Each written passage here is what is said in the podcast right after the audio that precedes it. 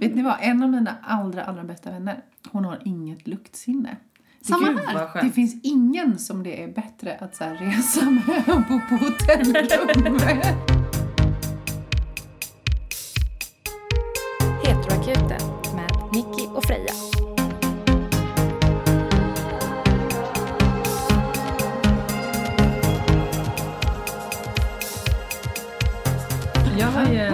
Chef som inte har ett luktsinne och det är väldigt skönt. För Ja. ibland om man råkar fisa på ett möte Ja. och hon sitter bredvid så vet Så jag att det det är helt, helt lugnt. lugnt. Men det som också händer om man är van vid att umgås med någon som inte har luktsinne, det är att man glömmer bort att andra Mm. Just människor det. har luktsinne. Ja. Så när jag umgåtts med den här vännen några dagar i rad, som jag, som jag gör ibland, så kan det bli, efter att jag sen är med andra människor, så kan det bli Du jättetungt. fiser helt hejdlöst. Alltså så länge det inte hörs något så vet jag ju att med henne så märks det ingenting. Mm. Nej, men det är ofta de fisarna som är värst. Ja, men om någon det. har, inte har luktsinne så är det ju helt oproblematiskt. Sen när jag träffar nästa människa som har lukt, ja det blir inte alls bra. Ja. Bra start. Eller hur? Ja. Snacka om att bryta isen. Ja, okej. Eh, då välkomna till Heteroakuten avsnitt tre.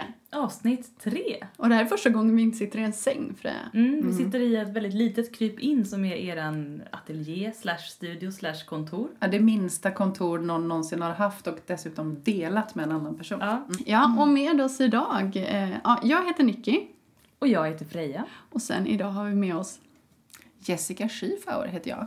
mm, Ehm, vad ska jag mer säga om mig Vem är själv? du? Jag Fan är du? är... Ja, men fan jag?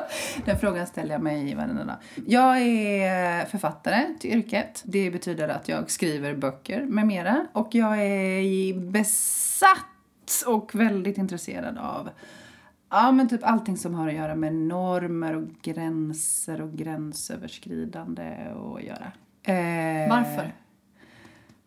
För, för att jag ser dem så tydligt, tror jag.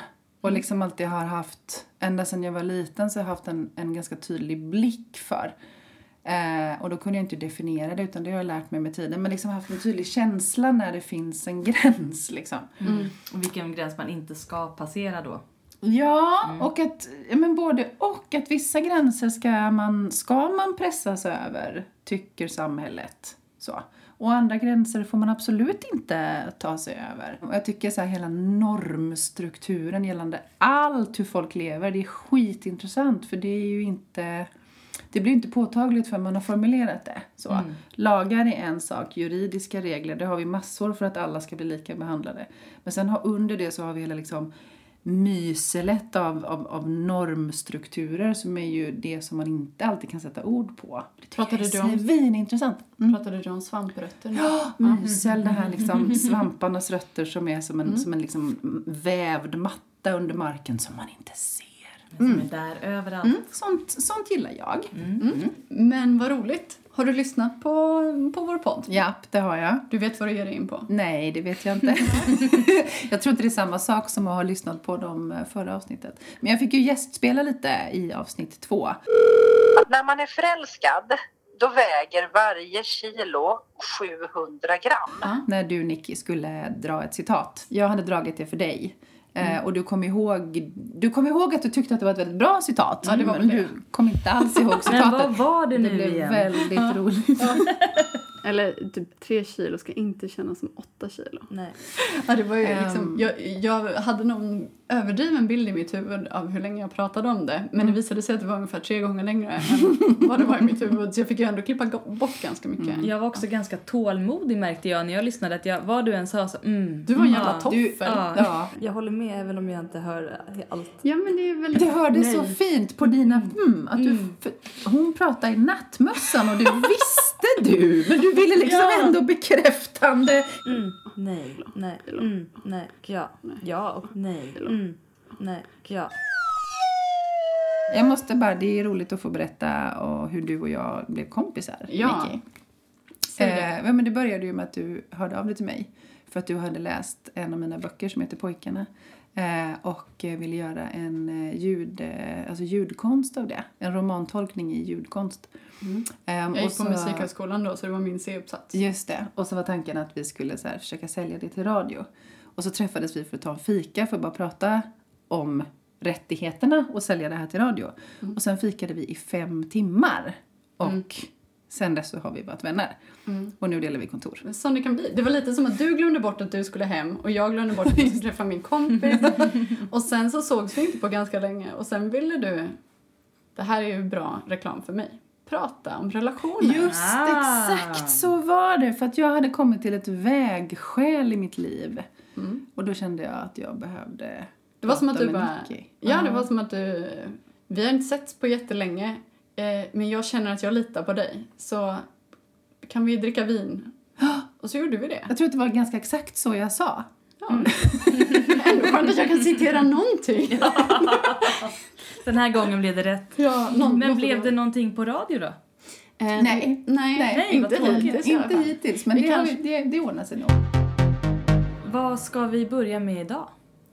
Eh, Jag hade ju en tanke om att vi skulle ta en ganska glad och härlig fråga till att börja med. För vi har fått in ganska mycket frågor. Vi har fått jättefina Kul. frågor och vi är så glada för det. Ja. Och läskigt. skrivit- och läskigt. Ni är ju vana, jag är ju inte van. Men folk har skrivit mail, folk har skrivit på sociala medier, folk har kommit upp och sagt hallå, hallå, vad tänker ni om det här?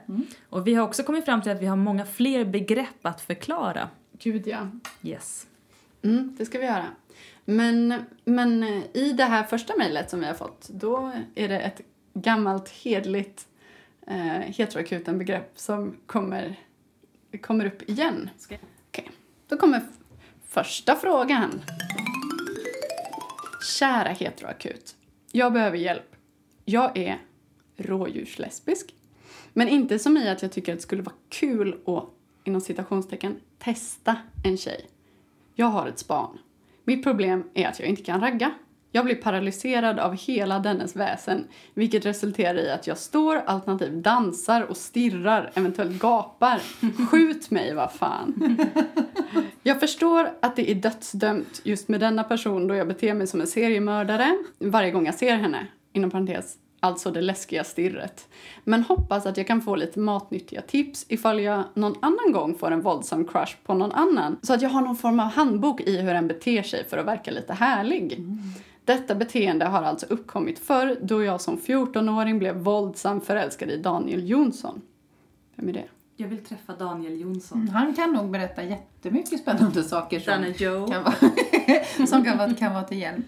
Eh, jag är extremt kräsen, tyvärr, vad det gäller samtliga kön. Så jag har ingen vidare lust att riva av ett raggningsförsök på någon krake bara för att testa lite hur man gör för att sedan behöva göra mig av med, inom parentes, nej, inte mörda personen om det skulle gå väl.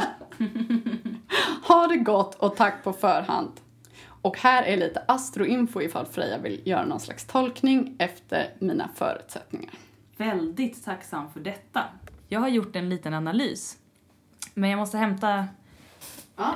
Min eh, bild här. Personen är skorpion i alla fall, det är väl det som vi behöver veta. Skorpionen har ju egentligen... Förlåt, det knarkar. Det Det knarkar. det knakar, Det det knakar. knarkar inte. Nej, och inte vi heller. Ett ögonblick. Jessica bryter ihop här. Hilfe! ja. Personen är skorpion. Har skorpion i ascendent också. Och måne i stenbock. Åh herregud vad svår du är. Mm. Det är för att Du- du stirrar. Stirrar garanterat. Men det finns de som lockas in av ett stirr. Jag vet personer som har magiska stirr. Att de ställer sig rätt upp och ner på golvet utan att dansa, utan att säga någonting, utan att le. Jävlar. Stirrar på folk och folk kommer som en magnet mot dem bara så. Så våga använda ditt stirr. Okej. I mars, det vill säga ditt handlingstecken, Inte månaden utan själva... Ja, alltså planeten Mars. Mm. ditt krigstecken, där du liksom tar aktiviteten i egna händer när du tar tag i saker. Då har du eh, tvillingen. Tvillingen är ett väldigt kommunikativt tecken. Och det innebär att du kan... Babbligt. Ja, du kan också smörja folk. Olja folk med ditt tal. Jag provar nya ord, okej? Ja, men det här, det här raggningsförsöket som jag börjar se här för min inre blick med den här informationen, det är helt fantastiskt. Det är magiskt, eller hur? Fortsätt, Ja. fortsätt. Ehm, och du har också hjälp här, eh, för din Venus är i vågen. Och med Venus i vågen. Jag ska bara dubbelkolla så det stämmer. Japp. Så väljer du dina ord rätt. Du kommer inte säga väldigt konstiga saker, eller du kanske känner att du gör det, för det tänker alltid en våg att den gör. Men du kommer antagligen låta ganska diplomatiskt och lugn och liksom sval. Och du kan skärma någon med ditt tal. Så om du använder alla dina stenbockar, för du har väldigt mycket stenbock i väldigt många planeter, så kan du faktiskt bestämma dig för att nu går jag bara upp den här personen. Se det som ett jobb. Se det som ett projekt. Ja. Nej, det ska bara genomföras. Ragget är ett projekt. Bästa möjliga resultat. Och, och, vi, vi, jag tycker inte att du behöver ta en annan person, Nej. utan ta den här Nej. personen. Ta den här personen, ja du har inget att förlora. Varför bränna energi på, på någon annan än den som man verkligen Precis. är dragen till? Verkligen. Ja, och grejen är att det här är min erfarenhet, alltså om jag får flika in lite här. Min erfarenhet av skorpioner, det är att de tror att de är så himla odiskreta, fastän de är väldigt odiskreta. Mm. väldigt jag, diskreta, jag Ja, håller med.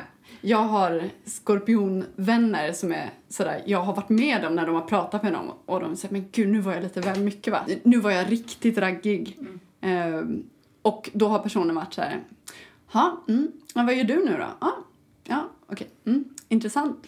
Ja. Shit, jag visar för mycket. De har Jag visat nu- lite svalt intresse. Ja, men det var liksom bara så kallpratat. Alltså det tar så lång tid för en skorpion att faktiskt komma under ytan. Så gör mycket mer än så.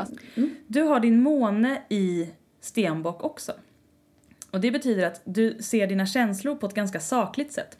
Du tänker nu känner jag så här, nu känner jag så här och nu känner jag så här. Du skriver gärna en lista över dina känslor, gissar jag. Du kan ta fram dina känslor, prata om dem utifrån ett objektivt perspektiv så att det inte känns så farligt. Personen kommer lyssna och känna oj vad personligt, men du kommer känna "Ja, jag har kontroll över läget. Och om du gör det på ett skärmigt tvillingsätt med hjälp av din bestämdhet i stenbocken. Du får bara se dig själv utifrån och föreställ dig att du är en Sims-gubbe som går upp till någon och dansar sådär gummiaktigt som de gör i Sims. du får stå och stampa bara, du behöver inte dansa snyggt. Och säg hej, Stampa. jag tycker du är och jag skulle vilja Eh, när man väl kommer under skalet på skorpioner, de är så jävla roliga. Alltså de har en sån tar härlig humor. Och, det, humor. och ja. det märker man ju bara i mejlet du skickar, att du är så jävla rolig.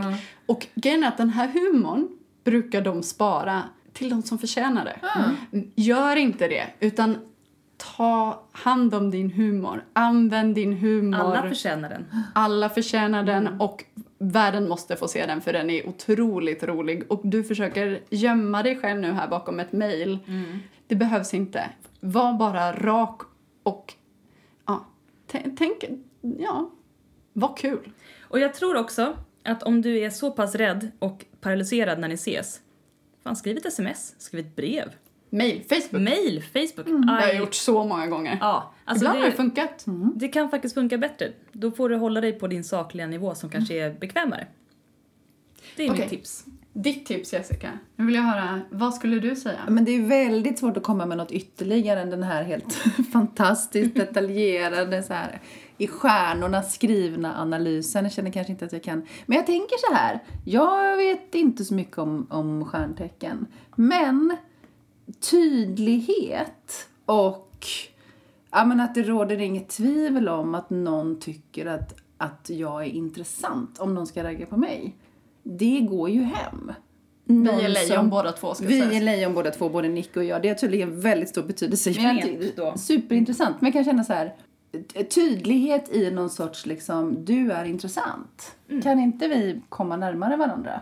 Så. Jag ser Det det, har jag, jag- tycker om det här. Exakt, det har jag aldrig, det har jag aldrig tagit illa vid mig av eller tyckt att det varit liksom obehagligt. Det är ju alltid en stor komplimang. Och om man då har de här förmågorna, man kan stirra på ett sätt som går hem. Gud, jag vågar inte göra Nej, det. jag kan inte stirra på, sätt, på ett sätt som går hem, herregud. Uppenbarligen är inte jag Men stirrar gör jag. Ja men det gör jag med, men det går inte hem. Det är Nej, det som är skillnaden. precis. Men den här personen verkar ju ha en, det där liksom, den där blicken som man bara oj, oj, vem är Man känner den i nacken liksom, kan jag föreställa mig. Om man har det, och sen så kan man, dess, så man dessutom verbal och har talets gåva.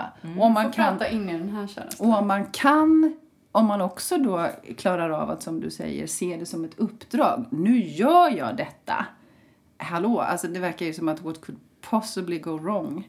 Använd de här verktygen och, och slipa dem. Eller först och främst känn att du har dem. Men Så. ja, jag skulle, jag skulle nog, om jag skulle ta ett rent eh, tips från hjärtat så skulle jag säga att okej, nu har du stirrat på den här personen, nu tycker du själv att det har gått lite till överdrift. Skriv ett, ett mejl till personen. Driv lite med dig själv, men inte sådär, jag vet att jag har stirrat på dig som en zombie, för det, det blir liksom, det kan bli lite väl. Men använd din humor och skriv ett mejl så har du i alla fall det i, i potten när Och det du sen väl- ska börja vara verbal med personen. Exakt. Ja, det kan väl bara komma på plussidan att få Ja. ett sånt mejl. Ja, ja, du har verkligen inget att förlora. För om personen inte är intresserad så kommer det vara så oavsett Ja, vad du ja gör. men exakt. Och den kommer i alla fall bli glad. Alltså, Ja, det har alltid. Och även om personen inte var intresserad från början och tänker att ja, men hon kanske inte är så himla intresserad eh, så är det ju som att om man öppnar ju ögonen en extra gång eh, och, och kollar extra om en person visar ett intresse. Absolut. Jag är sjukt nyfiken också på om den här personen som är stirrad på, Ja. eh, hur mycket den faktiskt har märkt det. Den måste Eller ju ha märkt det. Eller nej, om den är vasslan har den inte märkt något. Nej, då är det kört. Nej men det är väldigt svårt att veta för man själv, om man själv har en sån hard crush på någon. Men jag tycker det är väldigt, väldigt svårt att avgöra. Jag har blivit upplyst om att jag är en sån där person som tror att jag är totalt transparent. Och så är jag inte alls det. Men det är säkert olika när det gäller olika personer också beroende på vad de läser av och inte. Nej, min upplevelse är att folk som, i alla fall som jag tycker är otroligt snygga, Mm. eller folk som, nej, som, som folk runt omkring mig också tycker är otroligt snygga, de får aldrig höra att de är snygga för folk tänker att du vet redan att du är snygg. Mm, Men så. alltså det är inte som att man onanerar framför en spegel om man inte har en narcissistisk personlighetsstörning. och, och då så spelar det liksom ingen roll. Ja, alltså, det är så himla subjektivt. Mm. Och då kan det också och det beror, som med mig så är det beror helt på vilken dag jag har. Alltså om Ja, någon samma stirrar på mig så kan jag vara så här, nu är det någonting som är fel. Nu har jag någonting på näsan eller Ja. en så Jag tror folk är arga när de stirrar på mig. Mm, jag jag också alltid. hade en person som stirrade på mig en kväll och jag gick därifrån. Jag var på väg, jag tog min jacka. Jag var så rädd för jag trodde den personen skulle gå fram och slå mig. Så att jag tog min jacka och min halsduk. Och så kom personen efter mig jag bara shit, shit, Nej, shit, nej, shit, nej, shit. Och så gick jag eh, liksom snabbare och den sprang ifatt och bara var ska du gå? Jag bara hem. Den bara varför då? Jag bara För du ska slå mig! Ja men då sa jag faktiskt det att jag, jag, jag trodde du var arg på mig. Och den bara va? Nej jag försöker ragga på dig, fattar du inte det? Vänta, det här kommer jag ihåg. Var det på Jack idag? Ja det var på Jack idag. Alla Det mina vänner bara varför går Freja? Vart tog Freja vägen? Som sagt, det är svårt att veta.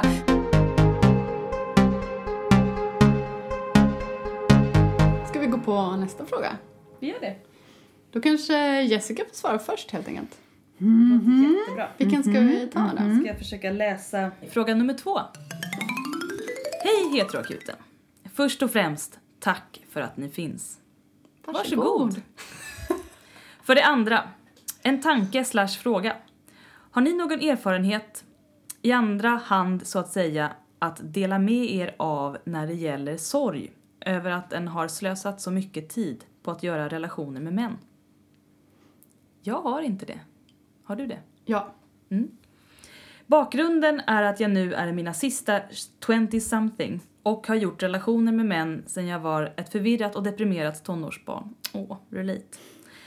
Fast inte med män då. Sedan ett år tillbaka är jag utan pojkvän och har efter långsamt Tinder-trevande slagits av insikten att jag är lesbisk. Vad fan? Halleluja och vad fan? Jag känner enorm lyck- lycka och hopp inför det här, men samtidigt djup förvirring och framför allt vad jag bara kan beskriva som en for- form av sorg. Sorg över förälskelser jag kunnat haft, sorg över allt knas jag utsatt mig själv för genom att ha massa dåligt och ångestframkallande sex med män och sorg över att det tog så lång tid att komma hit. Så tankar kring sorgarbete mottages tacksamt. Allt gott. Mm. Fantastisk livsberättelse och fråga i ett. Ehm, men jag tänker att jag gärna lyfter upp frågan så här i ovanför sexuell läggning. Liksom. Sorg över att man har gjort relationer och kämpat i relationer eh, med fel person. Jag, jag vet inte, jag tänker någonstans att den tid en utveckling tar, den tid en insikt tar, den är väldigt sällan förhandlingsbar. Om ni förstår vad jag menar. Jag kan tänka så själv. Jag levde i ett, ett långt äktenskap. ehm, som, som till stora delar var lyckligt. Men det pågick, det pågick för länge. Det var vägskäl där, där jag slash vi tog fel väg. Vi stannade ihop när, vi, när det var dags att gå isär. Liksom. Men jag, jag vet inte, alltså att bearbeta det faktum att man har, alltså, att man har kämpat äm, i relationer med människor som, där det ändå inte så att säga lyckades. Vad det nu är att lyckas med en relation i det, att den ska vara livslång eller äm, det tänker jag att det får man väl helt enkelt försöka, helt enkelt är det inte, man får försöka förlåta sig själv och tänka att allt detta byggde erfarenhet. Allt detta står jag på nu när jag ser på mig själv och på världen på ett nytt sätt. Ehm, men jag är också väldigt mycket för, jag är ju väldigt mycket för terapi, älta, tröska, prata. Antingen med någon professionell terapeut eller med, med liksom sin omgivning. Inte sin partner. Och inte sin partner. Det finns vissa saker man ska diskutera med sin partner, men inte allt. Um, och där någonstans så kan jag känna att, um, att bara skynda vidare och tänka nu har jag kommit på vem jag är och hur jag vill leva. Um, njuta av det. Men jag sprang ju också ur mitt äktenskap och det tog mig lång tid innan jag började titta tillbaka. Och börja så här, vad var det som hände? Vilken kraft var det det tog? Vad lärde jag mig? Och inte kanske, alltså att sörja är ju inte samma sak som att ångra. Tänker jag. Nej. Ehm, för ångra vet jag inte om det är så stor mening med. Det kanske bara blir en, en känsla av att man har slösat sitt liv eller slösat ett sin självhat. tid. Det blir, ja men precis, det blir självkritik på ett sätt som ingen, som ingen är värd. För man har ju varit på en plats och haft en viss blick för att man inte har kommit till vägskälet än. Och det kan jag absolut känna igen mig i. Ehm, att det tog väldigt lång tid innan jag vågade kliva ur en, en livsstil liksom, eller en, en relation där ingen av oss mådde bra. Liksom. Eller ja, hur hur länge var det ni var tillsammans? Eh, vi var tillsammans i 15 år. Vi var gifta i 7-8 år. Ehm, och vi var liksom... eh, vi hade en grej i sammanlagt 17 år. Ehm, så det här var ju en människa som jag... Och vi träffades när jag var 22, tror jag. 20-22 någonting. Och nu är jag 41. Mm. Så det har gått en jävla massa tid. Ehm, och vi blev ju vuxna tillsammans. Ehm, och byggde hela vårt respektive och ett gemensamt vuxenskap tillsammans. Så det är klart att det, är, det gör man ju inte i en handvändning.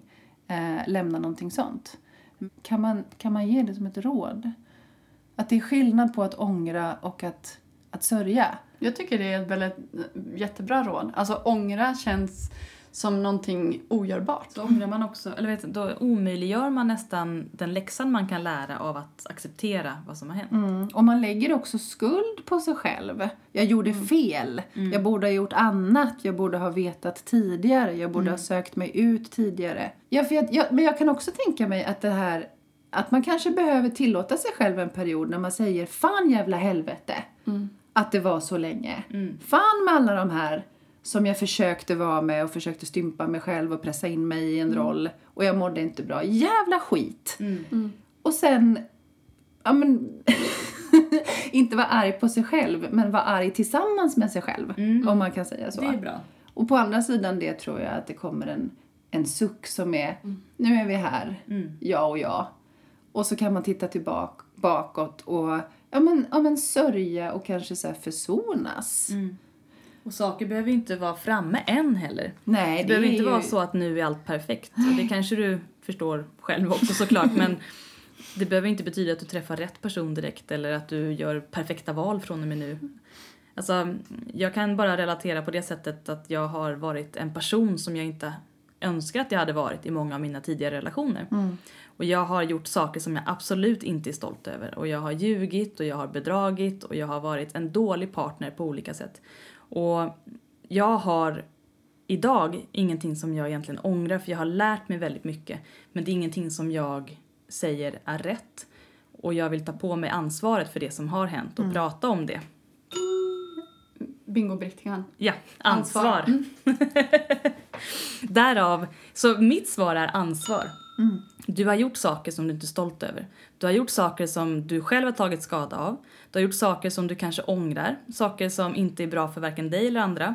Saker där du har varit i konflikt med dig själv eller har ljugit för dig själv eller har gått över dina egna gränser. Det enda du kan göra är att förlåta dig själv. Och det enda du kan göra är att acceptera att det inte kommer ske mer nu. Mm. Och om det skulle råka ske en gång till Mm. så är det ett Också. litet återfall Mm. i gamla mönster. Och det är okej för det tar lång tid att ändra saker. Det tar väldigt lång tid att fila ut gamla mönster. Mm. Och då är det bara att tänka, okej, men nu, Mm. härifrån och framåt, så gör jag bättre. Återfallen kommer komma mer och mer och mer sällan. Och till slut så kommer de att vara borta. Eh, Jag vill ge lite tankar kring... För att jag känner många personer som är etablerade i, i det queera communityt som kom ut när de var långt över 30. Mm. Eh, Jag vet folk som kommit ut som transpersoner när de är närmare 70. Och de är trygga i det nu. kanske inte hade gått tidigare. Nej. Det kanske inte, alltså fysiskt sett eller liksom mentalt sett Men kanske också, ja, men... också men, samhällsmässigt sett, där tänker jag finns Ja, det en fallet. jätteviktig aspekt det här med att och också så här, men vem ska skulden läggas på om man lever enligt heteronormen mot sin vilja? Ska man lägga den skulden på sig själv? Nej, den skulden hör faktiskt hemma i normkulturen.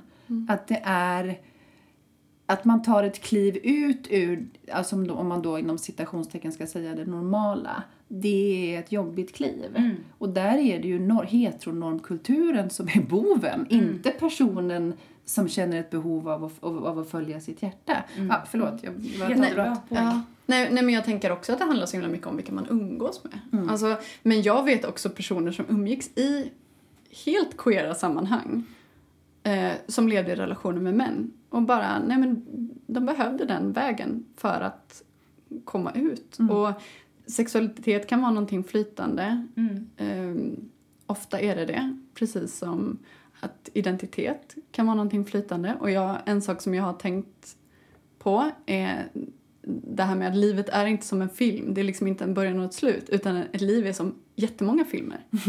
Det, det här var en film du hade. Och slutet på den filmen var att du insåg att du är ju lesbisk. Och där kom eftertexterna. Men nu börjar Nu nästa börjar film. nästa film, ja. Ja. Eller kanske, jag skulle säga så här, terapi, terapi, terapi, terapi. Vi har alla mönster som vi hamnar i. Vi har, särskilt när man börjar närma sig mm, 30, 40 eller ja, man blir äldre helt enkelt. Ja, det blir sådär att herregud nu gör jag det här igen. Nu gör jag det här igen och det kommer till en hela tiden. Och då behövs det terapi för att annars så lägger du det på din nästa partner. Mm. Och det är inte det som din nästa partner ska bära. Och jag vill verkligen säga någonting positivt. Att om du kommer på nu att du är lesbisk då kommer du ha din första stora kärlek när du är närmare 30. Vilket är ett jätte, en jättebra sak, en perfekt ålder. Grattis! Grattis! För det är så, för den första kärleken, den första stora kärleken, besvarade kärleken, den glömmer man inte. Och det Nej. kanske blir ditt livs kärlek. Och det är början, det är början på ett nytt liv när det än sker ju. Ja. Tänk vilken lycka att få ha det när man är vuxen och inte när man är en slarvig 15-åring Ska- som totalt slarvar bort allt. Och man är så väldigt mycket mer än sin sexualitet också. Och jag tror att väldigt mycket av dig själv har du redan upptäckt och som kanske är sant, även om du inte har levt öppen med din sexualitet. Du hade kunnat vara med en pissig tjej också Gud, i ja. 15 år. Och, haft, och, haft, och haft samma känsla nu, alltså en, Gud, käns- en ja. känsla Mm. av att ångra och att man har slösat bort tid på, på, på dåliga eller felaktiga Mm. relationer. Det kan, Gud, absolut. ja. Oj, oj, oj! Vad händer Freja? Berätta vad som händer. Jo, det är så att jag vrider upp en liten omslag. Vad kallas det för? En liten jävla... Vi har druckit sin fandel, ni behöver inte vara oroliga. Ja, men nu går vi över till pizzolato. Och det låter så här. Bubbeli, Och bubbeli, sen låter det så. Oj, jävlar. Freja kissar på golvet. Lite grann bara. Fan vilken fest det är när vi träffar. Och stäng dörren nu snäll. Självfallet babe. fler frågor. Herregud. Ja, ja, nej men nej, vi kör väl på. Jag är det gör dålig vi. på att läsa högt. Jag fick väldigt lågt på Men Jessica- höguppläsning. Jessica ska jag läsa nästa. Okej, jag ska läsa nästa. Jag sluddrar lika mycket när jag druckit vin som när jag inte druckit vin. Fråga nummer tre. Hej! Jag vill be er om ett råd, men förstår om ni inte kan svara. Jag misstänker att min partner har ADHD eller ADD då hennes beteende stämmer in. Otålig, svårt att sitta still, lyssnar ej till punkt, svårt att koncentrera sig på en sak. Detta tär på vår relation. Jag tror det skulle hjälpa oss om hon förstår sig själv bättre. Ska jag ta upp ämnet med henne? Och i så fall, hur gör jag det utan att verka okänslig? Det känns så svårt och lätt att kliva över gränser. Mm. Vill du börja, Nicky? Vilken bra fråga. Ehm, jag har ju ADHD. Jag hade ju aldrig kommit på den tanken. Och när jag var runt 20 så var det eh, ja, men några av mina vänner som sa att nu vill vi sätta oss ner och prata med dig. Vi misstänker att du har ADHD. Och jag fattade absolut ingenting. Och blev väl ganska stött först. Men sen när jag började läsa på om det så kände jag dels att jag kände igen mig väldigt mycket i det som stod. Också och sen så tog det väldigt lång tid för mig att få diagnosen. Ehm, vilket, det, vilket också var en del ADHD-symptom. Jag påbörjade utredningar och sen slutade jag höra av mig.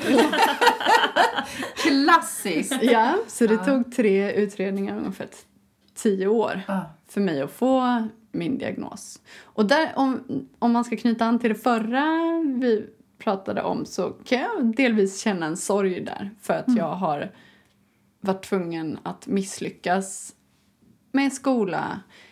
Fakt- eller jag kom in på dispens då, för jag har inte fullkomliga gymnasiebetyg. Så jag kom in på dispens på Musikhögskolan och jag klarade två år, men det tredje året bara, nej, det gick inte. Alltså utan medicin kan jag lyssna aktivt i tre minuter, sen försvinner jag i tio minuter och sen kommer jag tillbaka.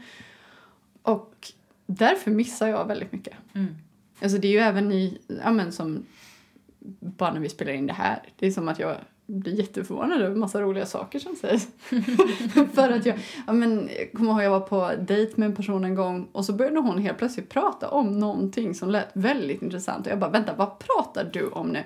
Du visade att jag hade missat att hon hade sagt att en släkting till henne, alltså en nära släkting hade joinat scientologerna jösses. och, och lämnat hela familjen. Oj. Men jag hade suttit och tittat på henne och lyssnat Ja, under och hela tiden. Och det här känner Och jag igen så ändå väl. så Ja. var det liksom, trots det här intressanta så var det där, jag, det handlar inte om att tappa intressen, min hjärna stänger av där. Mm. Och det är som varje gång jag spolar tillbaka på poddar, då är det också som att jag bara, okej jag måste lyssna på det igen. Så bara, fan nu försvann min hjärna på exakt samma plats.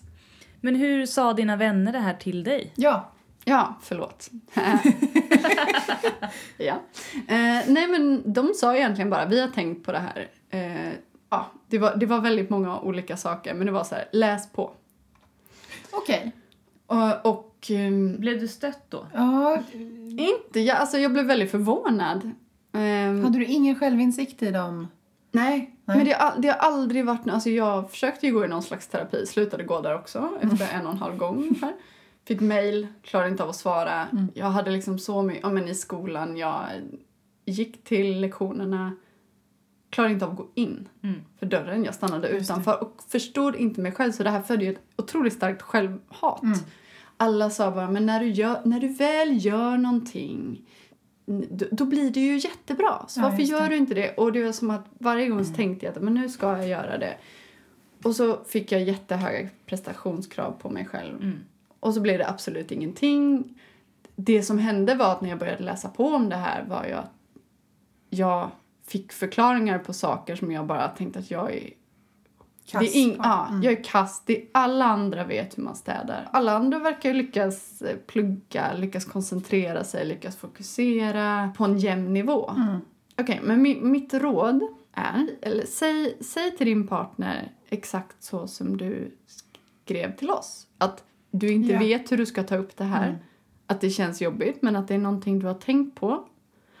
Och sen så tänker jag, det finns ju jättemycket såna här självskattningsgrejer på internet. Tester alltså. Ja, Mm, ja man men sådär man kan fylla i ja eller nej. Mm, liksom. och med, med tanke på att det här verkar gå ut över relationen så känns det ju som någonting som den andra personen borde lida av också fast kanske inte veta varför. Nej. Det är olika Det, så såklart. här, shamea inte. Nej.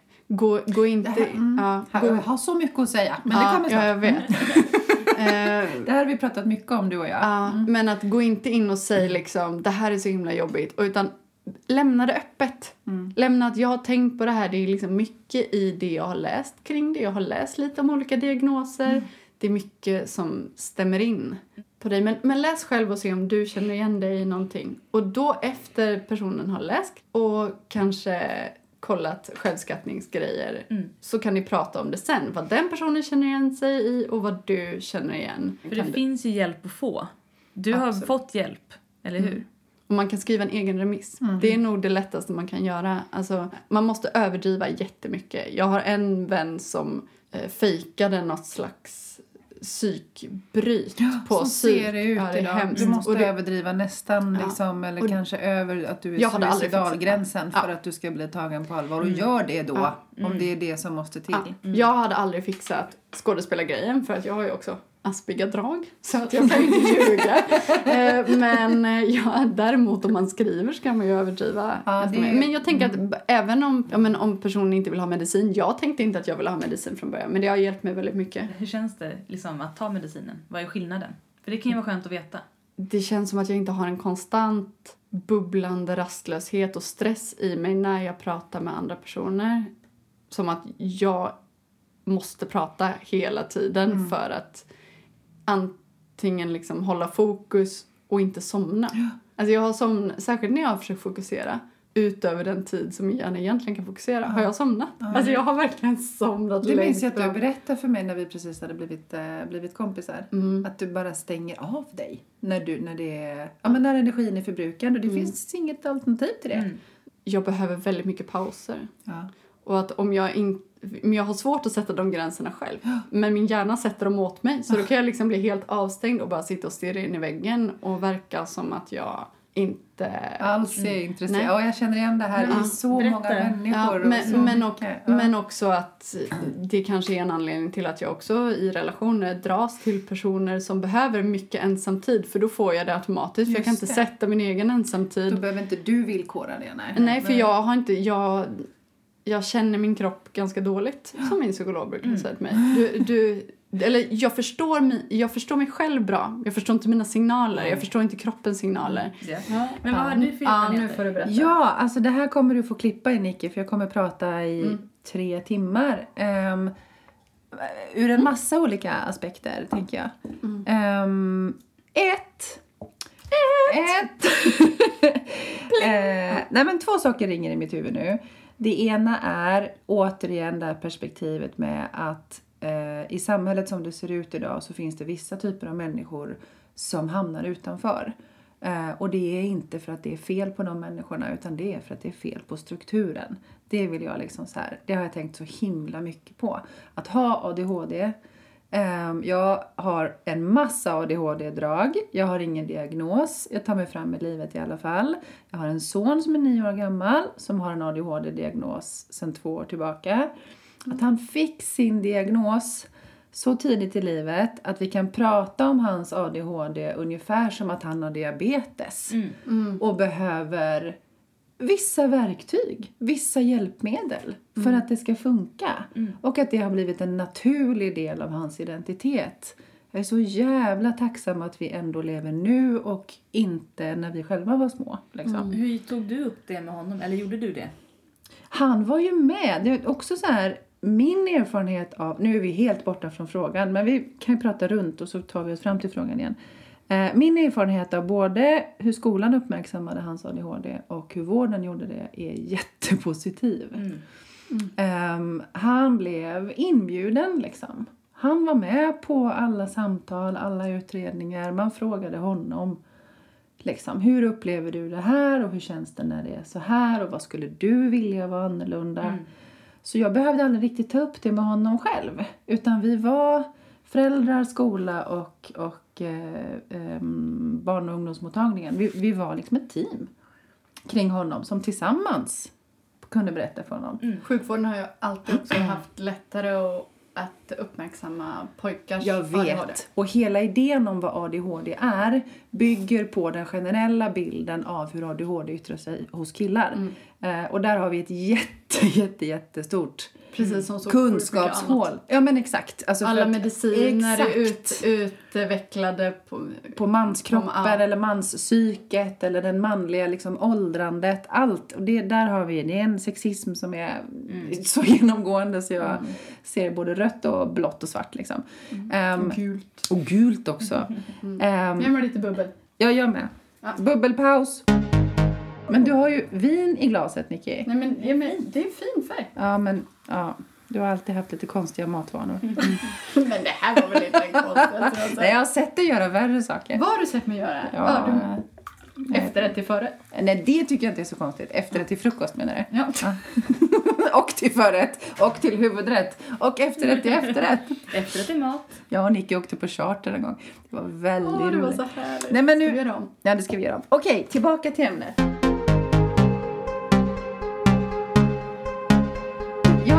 Var på gång att skilja mig i samma veva som våran son fick en ADHD-diagnos.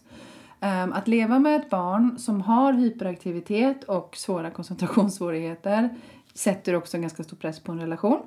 Ehm, så naturligtvis så finns det vissa saker där som har påverkat varandra. Men intressant, eh, eh, min sons pappa har också en odiagnostiserad glasklar ADHD. Det vet vi alla, det vet både han och jag nu efter att vi har varit med om vår sons utredning. Jag tänker på det här med, för att komma tillbaka till frågan, att bli medvetandegjord om att man lever i en kamp som man kanske inte måste leva. Det såg jag, det fick jag se hos min exman som jag fortfarande känner väldigt stor omsorg om. Liksom. När vi satt där tillsammans med, med barn och ungdomsmottagningen och de berättar så här känns det för Elliot. Så här ser det ut i hans... Alltså så här upplever han de här, de här situationerna i skolan och socialt och så vidare. Och jag ser på min exman hur hela hans barndom bara spelas upp. Liksom. Mm. Ja, så kände ju jag också. Så jag tänker utifrån frågan, även om det kan bli tufft att ta upp det här, även om du kan möta på motstånd och protest, även om du kanske känner att din partner blir sårad och känner sig anklagad för att vara dålig, att du tar upp det här och du måste hålla i sen. Du måste vara en positiv kraft och fortsätta att säga det kan bli annorlunda, det finns hjälp, vi gör det här tillsammans. Även om du Mm. Jag kan hjälpa blir... dig att skriva en remiss. Exakt, för att skriva en remiss är något av det jävligaste du kan hamna inför om du har de här koncentrationssvårigheterna. Ju.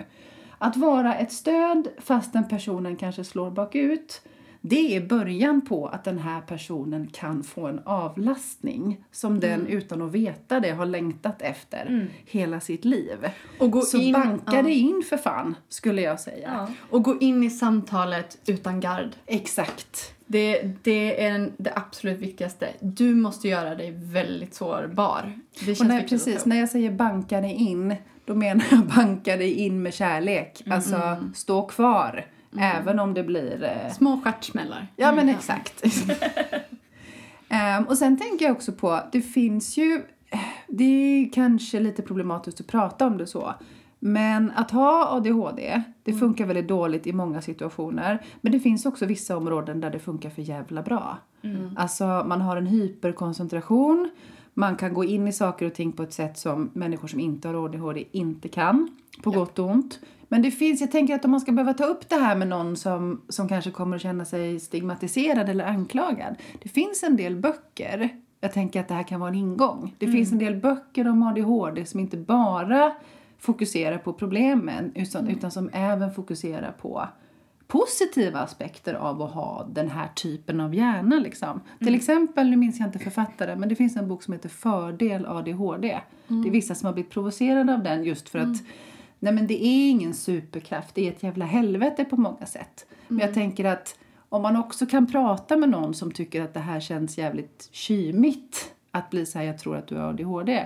Så kanske man kan ta hjälp att ta det första avstampet i att det här inte, att det här inte bara är ett problem utan det kanske till och med om man lär sig sig själv utifrån en diagnos så kanske man också kan utveckla vissa förmågor liksom på ett positivt sätt. Jag vill också tipsa Mm. om en grupp på Facebook som jag har startat faktiskt. Vad heter den? Eh, ADHD, Gäris och icke-binäris. Alright. Mm. En otroligt fin grupp faktiskt därifrån. Och det har också, för mig har det blivit jag tänker när jag fick min diagnos så var det som att jag ibland tänkte att men jag kanske inte har det här. Mm. Alltså om, om jag känner mig lite normal i några, några timmar då är det som att bara nej, nej men jag, jag, Det har nog gått bort. Ja, det, Ja. Mm. det har nog gått över nu. Eh, men, men, Så tänker jag om en massa konstiga saker Ja, mig själv. men Ja. att när man då är i en grupp där den ser hur olika alla personer som har ADHD i Och en annan grupp på Facebook som jag är med i som heter Underbara ADHD. Mm. Ehm, på gott och ont. Men där, den är väldigt hands-on tycker jag. Det finns Mm. många konkreta, ja, men konkreta så här metodtips. Ehm, Mm. Som jag hela tiden, jag samlar dem på hög och så plockar jag fram dem när Mm. min son behöver, alltså jag känner att jag har fått en verktygslåda. Ja, min grupp är ju inte för anhöriga. Jag skulle vilja säga att jag har varit ihop med personer som jag har misstänkt har haft mm, en problematik. Eh, Alltså, en problematik säger jag för att jag märker att personen har lidit av Det är en problematik, Ja. det är inget... eh, Det är som sagt inte alltid en superkraft. Det kan ju vara ett jätteproblem. Det är aldrig bara en superkraft. Nej, Du kommer alltid med en baksida. Mm. Du fixar strategier för dig själv, Mm. du bygger massa grejer. Det är det medicin Mm. kan lätta. Vilket också gör att man kan få ännu mer ADHD-symptom när medicinen har gått över. Mm. Och jag har ju då varit en person som har kompenserat för min partner väldigt mycket. Nu känner jag igen också väldigt Ja, mycket. att man försöker rädda eller påminna den eller hjälpa till med saker som den kanske inte kommer ihåg eller klarar själv. Eh, att jag ser problem innan de dyker upp och försöker liksom, och känner mig otillräcklig om jag inte kan vara där och se saker i förväg och sådär. Och om man dessutom har det här draget att man gärna omvårdar Mm, liksom, och tar exakt. hand om så kan det bli en ganska stor belastning Ja. som man lägger på sig själv. Så jag tror att det är väldigt viktigt att ta upp det faktiskt. Ja, för, för mig har det ibland lett till att det inte funkar. Mm. Och då har jag kanske inte vågat vara helt ärlig med att jag märker det här eller jag ser det här eller du kanske borde liksom titta inåt lite och se om du kan hitta hjälp. Som det första jag sa när, jag, när Felicia flyttade in hos mig. Det är så här, jag vet att jag tar mycket plats rent fysiskt. Jag kan skapa stilleben av saker i ett rum och sen glömmer jag bort dem. Jag, jag hade en, en kompis jag bodde med innan. Vi delade kök och badrum. Hon ställde sig en dag och hon skrattade och jag frågade vad hon skrattade åt. Och så hon, du har skapat en väg från spisen och ut i hallen. Och då hade jag liksom varje gång jag kommer hem så här, lägger någon väska, jag har ganska många olika påsar. Eller en, en kassa av något slag. Så var det liksom som en väg av de här kassarna hela vägen ut. Och jag såg inte det. Nu behöver inte det här handla om ADHD längre utan det här kan handla om att man har en person som har ett mönster eller vissa beteenden som ibland kan vara svåra att bemöta. Ehm, Jag lyssnade på ett jätteintressant eh, avsnitt av Allvarligt talat när Birgitta Stenberg fick svara på en fråga. Ja, rest in peace Birgitta Stenberg. Hon fick ett meddelande och då, meddelande, hon fick en fråga som var så här ungefär. Jag har ett gäng med vänner, vi brukar träffas, vi gör olika kulturella saker. Och en av de här personerna är väldigt, eh, ska man säga, undflyende vad gäller pengar. Aha, Vi träffas, ja, vi har pratat om det här förut. Vi träffas ganska ofta och går på teater eller äter på restaurang eller går på bio eller vad det kan vara. Och eh, personen går ofta innan de andra har ätit upp eller betalat och glömmer citationstecken bort att betala. Eh, säger ja men köper ni biljetter så ger pengar sen men gör inte Kommer det. Ja. Så personen kostade väldigt mycket pengar helt enkelt för alla andra i sällskapet. Alla känner någon sån eller Ja. har någon sån i sin Jag är den ibland och ibland är mina vänner det. Ja, och då gav Birgitta Stenberg det bästa svaret. Vad sa hon? Hon sa att jag har varit i precis samma situation. Hon sa jag hade en vän som ju hade samma beteende. Och jag tänkte väldigt mycket på det och det gjorde mig jätteirriterad. Och ibland så var det så att jag inte ens ville träffa personer för att jag hade byggt upp den här irritationen. Trots att vi egentligen var väldigt bra vänner. Och hon sa att jag gjorde så att jag samlade på mig alla gånger som jag hade betalat för personen. Jag skrev upp i en bok under en månad ja, hur mycket personen kostade mig Ja. varje månad. Ja. Och till slut så sammanfattade jag det och sa ja, men ungefär 500 kronor. Och sen så ställde hon sig frågan är det här en person som jag vill betala 500 kronor i månaden för att ha kvar? Att ha i mitt liv Ja, liksom. ja självklart. det här är en person som ger mig jättebra relationsråd, som liksom är jätterolig, som alltid berikar festen, som är intressant att prata med. Och jag betalar gärna 500 kronor i månaden, minst, för att den ska vara kvar i mitt liv. Och så får man ibland ja, diskutera med sig själv liksom. Gud vad bra sagt. Eller hur? Det är så här, istället för att försöka för- söka konfliktlösning eller försoning med någon annan så söker man den och hittar den i sig själv. Ja. Åh, det är briljant. Är det värt det? Ja, det är det. Så där ska jag fan börja tänka. Alla andra människor kan inte alltid ändra sig, men de kan vara värda det de sätt. har att Ja. ge ändå. Nu blir det mer bubbel. Blir det mer bubbel? Om ni hör ett fräsande ljud. Brr, brr, brr. Ja, visst. Nej, det var Precis. Snyggt. Snyggt. Ända sedan jag var väldigt ung så har jag alltid varit väldigt attraherad av manliga individer, manliga personer med vissa feminina inslag. Och de kvinnor som jag dras till i den lilla mån jag gör det, det är alltid Alltså, det är liksom en, en kropp som har ett inslag av den motsatta, om man nu ska prata om motsatser. Liksom. Men det är ju ofta någonting, jag tänker att det går igen även om man kanske inte har insett det själv. Att personer som har androgynitet på Ja, något sätt, exakt. Det, kan inte, det är inte alltid helt uttalat eller jättetydligt. Men det kan ju vara i personlighetsdrag också. Mm. Men det är ju någonting som fungerar mer hos en större massa ofta. Det tilltalar liksom en bredd.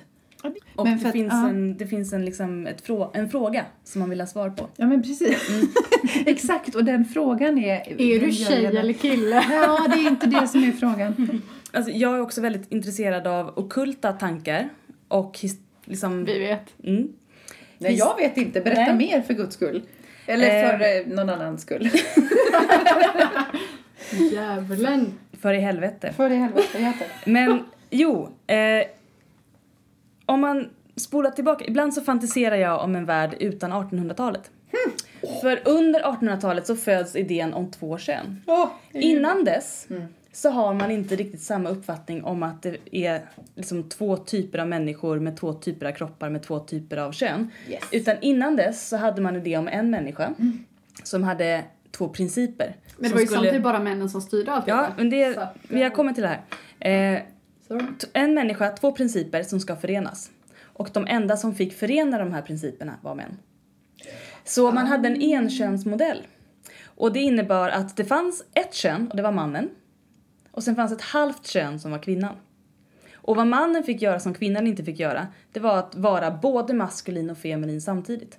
Medan kvinnan bara fick vara feminin. Och då har man en helt annan syn på kön och jag tror att vi skulle idag må bra av att återta lite av det. Även om det var en väldigt sexistisk period historiskt sett i Europa. För nu pratar jag historiskt i Europa. Men den här världsåskådningen som det egentligen byggde på, det var en alkemisk idé om att allting bygger på motpoler och att det är det som får saker att röra sig. Att det är inte motsatser som inte går att förena utan det är en triangelslag om man säger så. Vad är alkemiskt förutom att man försöker göra guld? Och Det-. Det här med alkemiskt och guld, det är... Jag trodde att alkemi var... Jag skulle vilja säga att det egentligen är en metafor. Guldet är föreningen. Guldet är Och det har mannen och tolkats... kvinnan. Ja men guldet är en individ som är helt integrerad. Och det kallas också för vishetens sten. Och gud, och vad är Nej. integrerat? Mm. Oj, oj, oj. Men, ja, nu får ni många här frågor. Skitsamma, jag tänker köra vidare. Ja, det är helt rätt. Jag ska Ja. börja bara helt kort. Mm. Eh, nej, jag glömde det. Fortsätt. Får jag avsluta Ja, detta då? tack. Min Det är spaning. det vi vill egentligen. Varför vi man är så Varför man är singel? Varför man är attraherad av en person som är androgyn, som vi beskriver idag. Ja. Men jag skulle vilja med historiska ord Säga. beskriva det som en integrerad Integrerad. person. Mm, just det, just det. Det integrerade var änglalikt. Alla änglar avbildas alltid som androgyna. Det var det vill säga gudomligt. Det var det högst uppnåeliga. Alltså det var det som alla strävade efter. Och förr så var det bara män som gavs den möjligheten. Ja. idag har, i alla fall i Sverige, alla möjlighet. Så passa på! Följdfråga. När du säger det om man skulle hoppa över 1800-talet, det var där du började. Ja, för där börjar man prata om två kön som är motsatser. Ja, just det. Men jag tänker mig så här, för den världsbilden då med att mannen kan sträva efter att vara integrerad, ha möjlighet att uppnå det. Kvinnan, om hon, Jag är så gör, kissnödig. kvinnan om hon gör detsamma blir ett hot. Mm. Ehm, jag tänker mig så här, om man skulle, för att jag fattar vad du menar, om vi tar avstamp i det och sen ser en annan utveckling än den Mm. som gick över 1800-talet så skulle vi kunna vara på nästan vilken plats som helst Jag tror att- idag. Jag tror att vi är på en helt ny plats. Jo, jag men tror att vi. Kvinnor har mycket mer möjlighet att integrera sig än vad mycket. män har faktiskt idag. Ja, det är helt, helt, helt sant. Det där. Veckans ord är luremus. Det vill säga- ett nytt ljud till det. Lurmus. Och lurmus på svenska har jag fått lära mig av min norska vän. Är lurmus? Alltså en mus som luras. Och mus i det här fallet innebär könsorgan eh, eller rumpa, eh, det vill säga anal, eh, som, som luras. Micke, det här är allvar. Och jag har förstått, ni kan rätta mig om jag har fel, men vad jag har förstått i alla fall så används bland bögar för att beskriva en man som verkar lite flörtig men sen visar sig vara hetero. Aha. Det vill säga, han är en rövmus som luras. Man får inte pula hans ano. Han verkar stå till förfogande och Ja, sen gör han inte Ingen pulmus. Ingen pulmus Nej, utan en lurmus. lurmus. Ja, men, men mus är ju annars någonting man kallar det kvinnliga könsorganet i lite sämre situationer. Och vi Eh. använder ju det här ordet lurmus för att beskriva en person som... Vilda musen som i, på Gröna Lund till exempel väckte ju mycket uppmärksamhet och det har ju inget med bögar att göra. En person som ja, men lockar lite men sen försvinner. Verkar tillgänglig och plötsligt inte är det. Ja. Lurmus, väldigt bra uttryck. Jag tänker att det är applicerbart på alla former av läggningar och alla, alla könsidentiteter. Det här skulle kunna vara en it. rådjurslesbisk men det behöver inte vara det. Det kan också vara en, En man rådjurs- som flörtar för att få bekräftelse bland Hetero. kvinnor och sen går därifrån. Rådjurshetero finns det? Jo men det, jag tänker en kille som rådjurshetero. En, en väldigt feminin bög som är väldigt flörtig mot en kvinna. Som du Aha. är. Jag vet inte. Kanske du som råkat ut för dem mer. Jag tänker så det knakar. Långsamt med det här bubbliga som justeras i hjärnan samtidigt. Nej, det har aldrig hänt mig. Jag har, Ingen lurmusfjäs. Nej, jag har aldrig upplevt att en man har flörtat hårt med mig och sen visat sig vara gay. Däremot har jag upplevt att jag har flörtat hårt med män som sen har visat sig vara gay. Um, fast det var ju inte det du frågade efter. Jag har ju upplevt då, som vi talade om i allra första avsnittet, varit med om att eh, bögar har råflörtat med mig för att de har trott att jag är bög. Då var du en lurmus. Jag är en eh, luremus. Ja. Eh, en kämpeluremus. Icke pule med ano. Åh gud, jag är så glad att du kan klippa Det det. här är så roligt. Jag måste ju till, tillflika på norska. Till, till, Tilleputte. Putta in. Jag måste berika det här samtalet med min upplevelse i Oslo. Första gången jag åkte till Oslo var med dig Nicky, för vi skulle spela tillsammans. Jag Ja! spelade synt och kompade dig. Du var den sämsta jävla ljudteknikern. Ja, det var så Förlåt, dåligt. men du sög. Ja. Men när jag kommer till Oslo, det är lördag kväll, klockan är typ 12 på natten och vi förväntar oss att det ska vara fest på stan. Det var helt dött. Ja, det är den dödaste staden. Dödaste! Nu är vi där igen. Så det är också dagens ord kan man säga. Dödaste. Väldigt död stad. Jag ska till en lägenhet lite utanför stan. Först tar jag tunnelbana. När jag står på tunnelbaneperrongen är det helt tomt. Efter två minuter kommer det ner en man på andra sidan. Han springer mot mig. Skriker och luremus. skriker, nej, han skriker stanna, vänta, stanna, vänta. Nu översätter jag till svenska här, Ja. så ni förstår. hallå, hallå, stanna! Du, Exakt. Exakt. Vänt, vänteböj. Han sprang fram till mig och stannade och jag såg väldigt rädd ut antagligen. Och så sa han Vänta, vänta, vänta. Huh, huh. Han fångade andan. Och så sa jag, vad ska jag vänta på? Vad är det som händer? Han bara, du kan inte vara här själv. Jag sa, varför kan jag inte vara här själv? Det är ingen annan här. Han bara, det kan hända något farligt. Jag bara, är du farlig? Han bara, nej, nej, jag försöker skydda dig. Jag bara, mot vad? Mot vad? Men det var farligt att vara på tunnelbanan mitt i natten i alla fall. Jag åker tunnelbana, jag går av två hållplatser bort. Jag tar spårvagnen. Tricken. Den tricken! Tricken var farlig. När jag sätter mig på tricken så kommer en man Jessica håller hela handen för Jag ansiktet. försöker att inte skratta högt. Jag sätter mig på tricken. Jag, det är ganska bra stämning, folk är på väg hem. Alla verkar väldigt trötta, klockan är halv ett på natten. Jag har aldrig varit med om en så trött stad klockan halv ett en lördagkväll. Eller natt. Världens sämsta stad. Ja. Dyr och dålig. Dyr och dålig och ljus och tom. Eh, Aj, aj, aj. men jag sitter där i alla fall och så kommer det fram en man. Han ser mig, han sätter sig bredvid mig och säger hallå. Och jag säger hallå. Han sa det, är du svensk? Så sa jag ja. Är du svensk? ja. eh, Vart är du på väg? Och så sa jag min hållplats. Och så sa han, Pune? Eh, kan jag gå av med dig och följa dig hem? Och så sa jag nej, det får du inte. Nej, för jag hoppades att vi skulle kunna pula. Och då sa jag, vad menar du med pula? Men Ja, jag letar efter någon som jag kan pula i Ano. Ja, Ja, rak kommunikation Väldigt uppskattas ofta, men... ja. och då sa jag nej tack. Jag vill inte att du ska pula mig i Ano. Och då sa han, fan, hur ska jag göra om jag vill puna någon i Ano? Ingen säger ja. Nej. Jag ha en skylt! Och jag säger, du var ju väldigt artig och trevlig nu när du frågade mig, men det var inte så sexuellt och spännande. Nej. Och dessutom är jag lesbisk, så att du hade nog lite dålig gaydar här. och han sa, okej, men Alla om jag hade mot sig. träffat någon som var heterosexuell, hur ska jag göra då? Så jag, tänker- jag vet inte det, jag Nej, men vet att han inte. bara så här ålägger dig och ge honom råd om detta. Ja. Han skulle ha skrivit till, Till heteroakuten. garanterat. Välkommen att skriva, då, då kommer vi att ge dig bättre Har vi svar. något råd nu då? Om man vill pula någon i Ano. Det finns en massa nätsajter där man kan berätta om sina behov och önskemål. Och Darknet. QX! Det var inte det jag menade! vad heter det då? ja, Åh, vad heter det? Men det måste body contact Nej, inte body. kan det heta. Vad ni kan. Till exempel. Nej, men inte det. Vad heter det? Jag, jag är medlem i det här. Tinder. Jag kommer inte ens ihåg vad det heter. Jag vet inte vad eh, den här hemsidan är. Men Nej. jag kan säga att mitt råd är i alla fall, fråga inte folk om de, du får pula dem i ano. En liksom så här inom, inom ramarna för hur seriös man kan vara i hans fall. Skapa en liksom seriös profil och berätta vad du vill och vad du söker. Det Pule understreck ano 91. Det kan du absolut heta. Det kan eventuellt vara upptaget så du kanske får lägga till någon liksom liten... 91.1. Ja, jag menar, eller hur? Jag tänker att det absolut finns någon som kan möta dina behov. Men att du ska hitta den på tunnelbanan eller på spårvagnen Fetish.com finns, men det var inte det jag menade. klockan ett på natten i Oslo. Den är jävligt Ja. liten. Och jag gick hem och pula med en dam, ska jag säga. Mm. Dame. I valet mellan honom och en dam så hade jag valt detsamma. Japp. Mm. Det finns ju också den här som... ehm, Åh gud. Ja, Hur går det nu då? Det är så dåligt. Vi får klippa så mycket.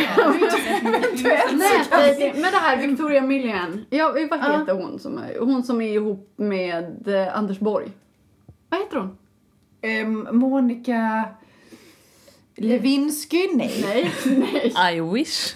Dominika, Dominika. Dominika någonting långt och lite Ja, Dominika. polskt, Eh, östeuropeiskt. Ja. Ja, ja, det är hon som har startat den i alla fall. Med Är Anders... det hon som har? Ja, ja. ja, ja, ja. Ja, han som jag blev ja, tagen för.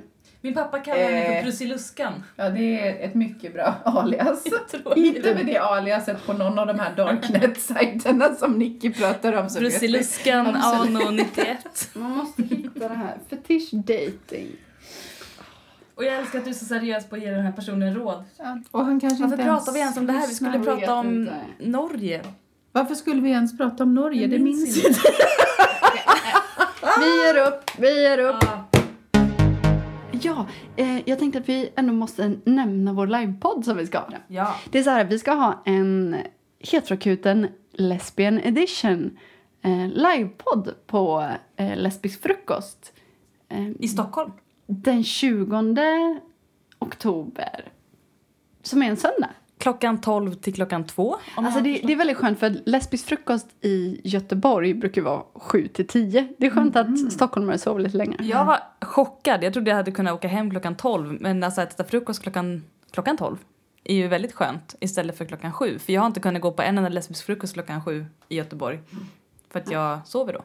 Oavsett podd, det kommer bli roligt. Det kommer finnas attiraljer, det kommer finnas rekvisita, det kommer finnas rådjur, det kommer finnas... Publikundersökningar, Ja, ja, ja. livefrågor. Det så finns- många. Eh, Quiz. Quiz? Kanske quiz? Vi vet inte. Aha. Ja, okej. Ja. Jessica ska ha ett quiz. Nej, jag är tyvärr inte med i den här fantastiska duon. Jag är bara gäst. Men jag önskar ett quiz. Jag är väldigt Ja. förtjust i quiz. Men eh, no pressure. En dag. Men, det kan vi, men alltså det här är lite försmak. Det är väldigt få, få poddar som får eh, ett live-gig efter två poddavsnitt, så vi är väldigt ärade. Vi är väldigt glada. Eh, så det här blir en liten test, men eh, jag är så peppad så jag inte riktigt har kunnat sova. Det blir väldigt kul. Och vi önskar att ni kommer dit eller skickar frågor innan. Vi kommer inte hinna ta alla frågor, men betrösta icke. Vi tar dem senare i så fall. Vi kommer ha en första hjälpen-låda som kommer finnas på plats där folk kan lämna sina lådor in, innan... eh, Lämna sina lådor. Och du sa ett fantastiskt ord. Vad betyder det? Och jag bara, tyst min mun. Vad sa jag? Att betrösta. Vad säger man? Misströsta Misströst. Trö, trösta mig! Misstryck. Åh gud. Misstryck. Misstryck! Hjälp! Ah, Misstryck. Inte i din låda. Vi måste kanske avsluta här. Jag tror inte det kommer längre idag som det brukar heta. Vi möten. anstränger oss så mycket just jag tycker jättesynd om mig själv som ska klippa tre Nej, Du timmar. kommer ha så kul. Du kommer får- ha Ha, det bra så länge. Hej då. Är det något du vill säga på norska, Jessica, innan vi går? Nej, jag snackar icke-norsk så jag må icke säga något på det språket. Jag tränger en fyr. Jag är Ja. lesbisk men jag vill ändå ha en fyr. Jag vill kunna kalla min tjej en fyr, okej? Jag gillar ordet fyr.